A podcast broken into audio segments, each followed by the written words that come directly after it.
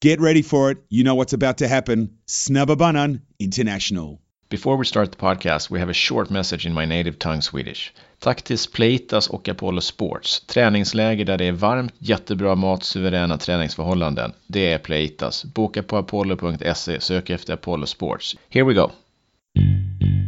Hi, welcome to the Swedish podcast Snabbanan, which roughly translates into the fast lane, uh, the fast lane in a pool. Today I have a guest uh, which I'm very happy to talk to. He uh, managed to grab a gold at the Sydney Olympics 2000 and then dominated the sprint events at the 2001 World Championships, won both the 50 and the 100, uh, and then retired. Some might say all of a sudden. Uh, who am I talking to here? You're talking to me. Anthony Ervin. exactly. If you didn't know who it is, I know you released your book recently. We'll come back to that. But let's start a little bit about swimming as such. Why did you start swimming from the beginning? Well, I was raised in the city of Los Angeles, uh, and well, largely, and um, it's just uh, there's a little bit more land here for homes. So there was a pool in the backyard, and um, you know, I think just from a safety measure, uh, I had to learn how to swim, but even from a very, very young age as a toddler, I loved being in the water. And when did you get into it competitively? Mm, I think I was like seven years old, six or seven years old. I did my first competition. How did you do? Oh, I did fantastic. I did. I exceeded expectations and blew uh, blew the water out of everybody else's way and put myself on that path straight away. I was going to. I won, and I, you know, I made that that time standard that allowed me to go race at a at a larger, more competitive regional event. And why do you think uh, you are so good at swimming? I don't know. It's a gift, I suppose. It's a it's a really powerful gift. Um, maybe I just have a, a stronger understanding of how my body moves in the water than uh, other people. But you know, maybe it also had to do with just being exposed to it from a really young age and really just enjoying my time in the water when I was a wee little lad. Some people, when you read about you know stories about you, they say that well, he's quite lazy. Is there any truth in that? Uh, well, sure, maybe in their eyes. You know, uh, I don't necessarily want to do things their way. if that makes me lazy, it's because I want to do it my way, and so be it. Um, but everybody, everybody finds that they have a different way of expressing themselves in the water. Um, there's there's no one way to absolutely do it. So you need to be able to appreciate that freedom and give that space to to develop yourself in the water. Of course, you may be called lazy along the way, but uh, you know you got to toughen your skin a little bit. That's what I've learned, at least. And did you expect to uh, go on to the national team, go on to the Olympics, and then actually medal and win? Was that something you had as a plan, or no? No, no, no. It definitely wasn't a plan. It was I thought it was the hardest time uh, just to continue the competitive part of swimming through mm-hmm. high school. You know, I kind of I thought I had reached my peak when I was a little kid, like 10 years old, um, and then after that, you know, struggles started setting in, and as I started struggling in real life, then my swimming started to suffer. There's always been a strong connection there between how I was doing outside of the pool and how I was doing in the pool. Um, yeah, swimming wasn't an escape for me. It wasn't like the rest of my world could be crumbling and I get into the pool and I could be great. No, it was like if things were struggling at home or things were struggling at school, uh, then I would inevitably I'd be struggling in the pool. Did that start already when you were, you know, competitive and very successful? Initially, no. You know, as I was, as I was climbing up to those initial rungs of success, no, everything seemed good. Um, you know, but then, uh, you know, and on the outside, it may have seemed like I'm still doing pretty well competitively. Um, but I knew that there was some real struggles in the pool, mostly with motivation and trying to find uh, new challenges to meet. Because, I mean, once I'd reached the Olympic goals, what else? That's the only, yeah, like what else? Mm. I had a hard time kind of figuring that, at least in a uh, in a healthy, productive way. And and did you did you find that you didn't really belong in the pool then, or because you you reached your goal at quite a young age, and then you weren't really finding that motivation, so you felt like, okay, I'm done with this, or did you?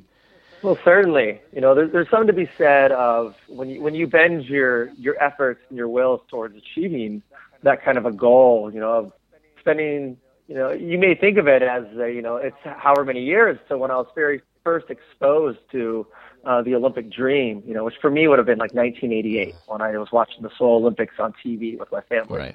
um, from that moment forward, it was it was a journey. It was a 12 year journey until I arrived at the Olympics in 2000. And once I got there and achieved what I wanted to achieve, you know, I think I wanted to be able to take it in and enjoy uh, the space that created for me. Uh, and for the first time, you know, I felt like it's like, well, let's spend some time out of the pool. Let's go see and uh, experience some of these things that I sacrificed for so many years to get to that goal. It was, I, I, didn't I didn't think it was part of the plan that like once I got there I had to stay there in, per, in perpetuity. Right. But that I'd be able to at, at to some measure I've earned some freedom from it. And that freedom got too far, I assume. I certainly was flirting with the edges yeah. of it. And if you might, you know, you might call it a destructive way of living, I, I guess. Mm-hmm. Uh, do you feel that you got the help that you know people tried to help you, but you refused it, or do you wish things would have been different? Um, I think people did try to help me, but largely I felt in, I was in such isolation uh, that no one fully understood what I was going through. That that help kind of it fell on deaf ears. It wasn't it wasn't something I was ready to listen to from where it came because uh, I, I felt very lonely at the top. Do you regret all of that, or do you feel like no, some of the stuff that you did that was really you know on the edge is also what makes you who you are today? Both. No, I don't. I don't regret. The only thing I truly regret is is the harm I I, I uh, have caused or may have caused other people that I care about along the way. Those are the only real regrets. As far as like choices and how they've affected me, I mean, they've become a part of me, and I'm at an age where uh, I am prepared and have accepted them and myself.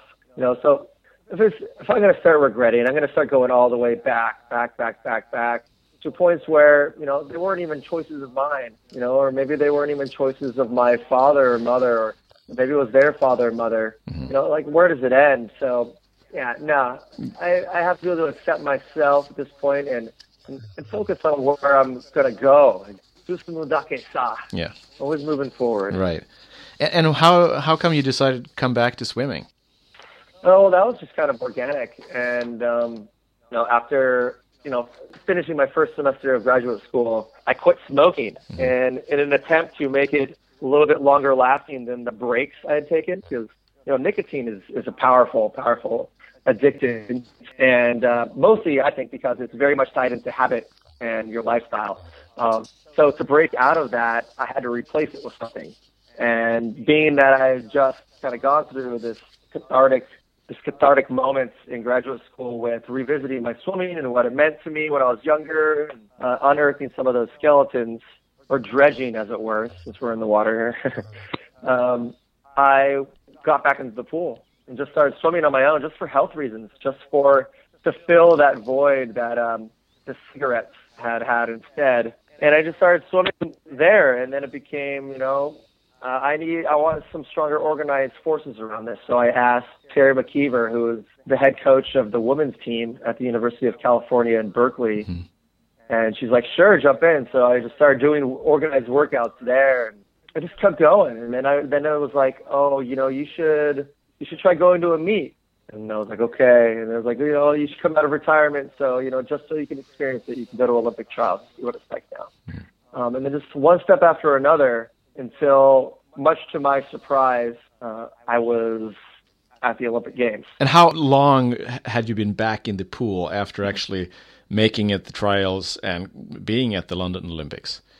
Uh, a year and a half. Okay roughly a year and a half. So not very long time considering you were out of the pool for what seven years or something like that.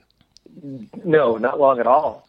I did have the benefit though that through those intervening years, it wasn't like I put on a bunch of weight. Right. Because I think that's what happens to most swimmers. You know, they they stop training, but then the eating habit stays the same, so they they put on a lot of weight. And I think trying to lose that along the way to getting into top tier shape, uh, it's very challenging. It takes more time. Whereas when I started swimming again, I weighed, you know, less than 150 pounds. I'm not sure what that is in kilos, but it's not very much. No. I mean, especially how much I weighed in high school was how much I weighed at 29 years old. And I started swimming again. So I quickly started to gaining weight as muscle because I wasn't doing anything. Now you're going for another Olympics. Right. And uh, once final one swan song with, with an intent and a purpose, unlike the other. so is this the swan song, or? I think it is, you know. But if I go and I'm largely successful, I mean, I, I mean, well, actually, you know, either way. Yeah. I hope that I could put something together in 2020 and go to Olympic trials, just because it's a it's a wonderful event and. Mm-hmm. I know so many great people that I, I want to be there too. Right. And how is your training different now from when you were, you know, 15 years ago or 20 years ago? Mm, it's not that different. I feel like I roughly do the same kinds of workouts. Um, advances in technique and strength training are obviously big. My wisdom in, in knowing the limits of my body and not waiting for myself to get injured before I take a break, you know, that's there. Um, but largely, largely it's the same. I do need a little bit more recovery than I used to. Yeah. Yeah. I mean, the same, man. The workouts are maybe a little bit, they're tailored a little bit more specific to me as a sprinter than, say, when I was a youth and I used to swim, you know, everything from, uh, you know, the hundreds and 200s of stroke to the 200 IM. Because I don't, I don't really mess around with that anymore. Right. You got your Olympic gold in the 50 and your age, so you don't have to do that. right. Normal workout week for you. How how many dryland sessions, how many swims, and so on is a normal week for you? Well, right now, or at least this season thus far, up until last month, I would swim three days in a row and then take one day off. Okay. So it, it, it kind of it kind of cycles outside of your normal seven day week. Um, and then strength training would be within the seven day week program, and I would do three lifts, so three strength training sessions, mm-hmm. and then I would I would do one day of stadiums, running stadium stairs as a workout, and then one TRX and core specific, relatively short dryland routine. Mm-hmm. So five dryland and three three on one off for swimming. So hmm. it's it is it is roughly full time. You know, there isn't there isn't a lot of time left in my day to to do much else other than you know a few emails here and there. And doing your book tour. Well, that's I mean that just started. yeah, yeah. You know, the, but I was working on the book all last year. That was that was a big part of my off time from the pool was working on the book. Right. We will come back to that a little bit. And how how do you look at U.S. sprinting right now? Some people, and I actually talked to, to Tom Jager, and he was very verbal about that. He he did not really think it was. Uh, I mean, no one thinks U.S. sprint the last couple of years has been you know very successful on international scale, which it hasn't been. And still, old guys, uh, no disrespect to you, but can still hang can still hang hang in there. Uh, is that a sign that you're incredibly talented, that you can still be there, or is it a sign of weakness on the U.S. sprint part? Uh, I could see it as a little bit of both. And um, no, well, for one, I mean, let's let's be let's be real, okay? Nathan Adrian is the defending Olympic champion in the 100 freestyle. Right. Yeah. Okay. You know, he medaled at the World Champions right after that. He medaled Pan Pacific J- Games. He maybe last year was a little bit off, but he medaled in the 50 freestyle. Right. He got the silver at World Championship. So American sprinting is not it's not a failure. It's not a failure. You know, it would be to see me knocked out by a younger, fresher talent who has more to more that they can improve upon and um, is unproven, is motivated because they haven't achieved some of the things that I already have. Sure, that should have happened. Mhm. That really should have.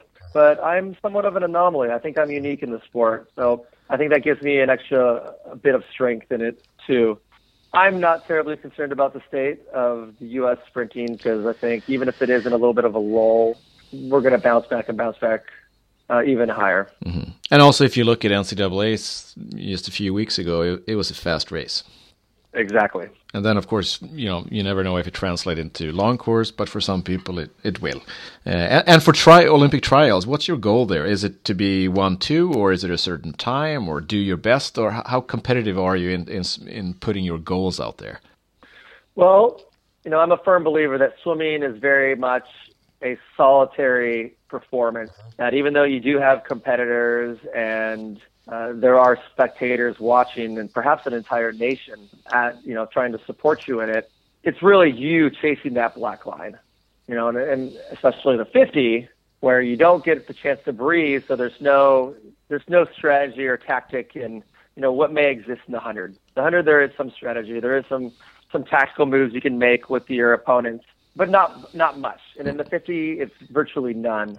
So I think about it It's all out. It's it's just you trying to do everything the way that you have prepared, and ultimately just trying to get a best time. It's the same mission that it was when I was a little kid. You know, I just want to do a best time. If I get first or second, that's fantastic. How disappointed will you be if you come not first or second? I don't know. It's never happened before. Hopefully, you'll never find out. I have to find out. I have to find out. That's part of being able to move on. Yeah. Will you go for the 100 as well, or is it all on 50? I'm going to go for the 100 as well. Yeah. And you have swam really fast the last couple of years in the 100 as well, at more mature age. Yeah, I've managed to put together some good ones, for sure. And the 100 is something that I've always wanted. You know, I've never, I never considered myself a 50 swimmer. I always thought I was like a 75 swimmer, and I've been, you know, just kind of struggling to find a way to get that last 25. Yeah, not many meets with the 75. no, no, not at all. And do you think that, uh, if talking on a more serious note, international level, do you think that you're competing at a level playing field versus others when it comes to doping, etc.? There's been a lot of lot of talk recently, but especially, I mean, a lot of Russians have been caught doping in certain sports and so on. Uh, what's your feeling about that? Well, well, I mean, cheating is cheating you know, I want to give a lot of these athletes the benefit of the doubt and uh, believe that they didn't know. It wasn't like conscious. They weren't carrying around this burden that they're willing to to cheat in order to to achieve, uh, and that most of the time they're just victim of circumstances and ill luck. Um, but is it a level playing field? I don't know, man. I, I I don't think any playing field is level. I think somebody's always setting the rules, and those that are closest to those that set the rules are the ones that have the greatest advantage regardless. So there's never there's never been a level playing field. Yeah, equality is an ideal. It's not an actuality. And let's talk a little bit about your book. Why why did you write it, and who who is it for? Who could benefit the most out of it? Mm, who can benefit? I don't know. I think I, I wrote it for myself. You yeah. know, I wrote it for my friends and my family, and just to be able to say that uh, I'd written a book. Mm-hmm. And but I think at the end of it, if I was to really narrow it down, I was writing it for myself. If I was able to pass it back to uh, me as a youth through all stages of it, um, from being um, a toddler all the way up to young adulthood. Is it a book for uh, youth to read, or is it more for parents maybe to understand what could happen and, and how they could deal with different scenarios, so to say? I'd like to think that a parent who could read it and see some of their own in there, some of their own children, or maybe even some of themselves. Uh, that that would be great to have that. I think that there are innumerable ways that an individual can draw one or two or more connections between uh, their life and mine. Like I don't think I'm that extraordinary, or if anything, you know, let's let's break down the word. You know, I'm ordinary mm. to an extra amount. yeah, that's good.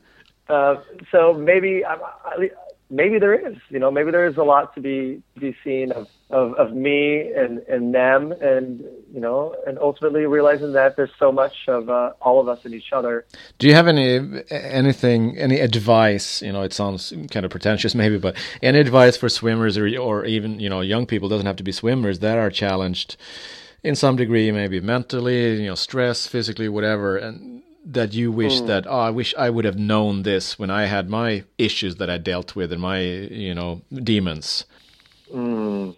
Oh man, it's so it's tough because I feel yeah. like time is the greatest healer of them all, and mm-hmm. that having them having some more patience, not taking anything as per so personally uh, when you encounter it, that's probably the best. You know, right? Are you still are you are you coaching swimming now, or you used to a little bit, or are you still? Yeah, yeah. I've, I've taught swimming. I've I was I, I learned I was teaching swimming when I was nowhere near a pool um, about uh, ten years ago. Yeah, like ten years ago, I moved to New York and was working at the Imagine School of Swimming um, with one of my friends who had started it, and I started teaching like little kids. You know, something I didn't even know I, I could do, and that actually helped me a lot as well. So I was teaching there, and then I also coach like um, preteens and teens at that level, as well as in California. Uh, and just recently, I just came off of a season coaching undergraduates in college. So yeah, I've been I've had my my fingers in the coaching game for a while. Is that something that you will pursue? You think after after maybe toning down your efforts in the swimming pool by yourself? Yeah, of course. Um, It's something I would want to be involved in. Whether I want to become a head coach of a large program, that that I'm I'm very skeptical of that. You know, because I, I do enjoy my freedom. Okay. Uh, I do enjoy the liberty of being able to do other things that I want to do. Uh, because being a head coach is a huge responsibility. Yeah. It involves a lot of sacrifice. Good. Uh, is it any question I should have asked you that uh, you haven't heard yet? I have no idea, man. I don't.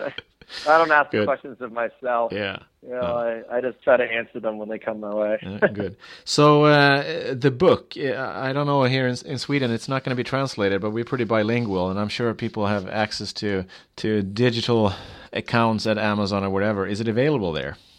It is. You can order it. Uh, you know, I prefer that you order it through my website, Okay. anthonyervin.com. Good. We'll put that uh, up. I got a web store in there. Okay. And um, but yeah, it's also yeah, you can find it on Amazon both as a physical physical book and a Kindle. Yeah, but if they buy it from you, you get more of the cut.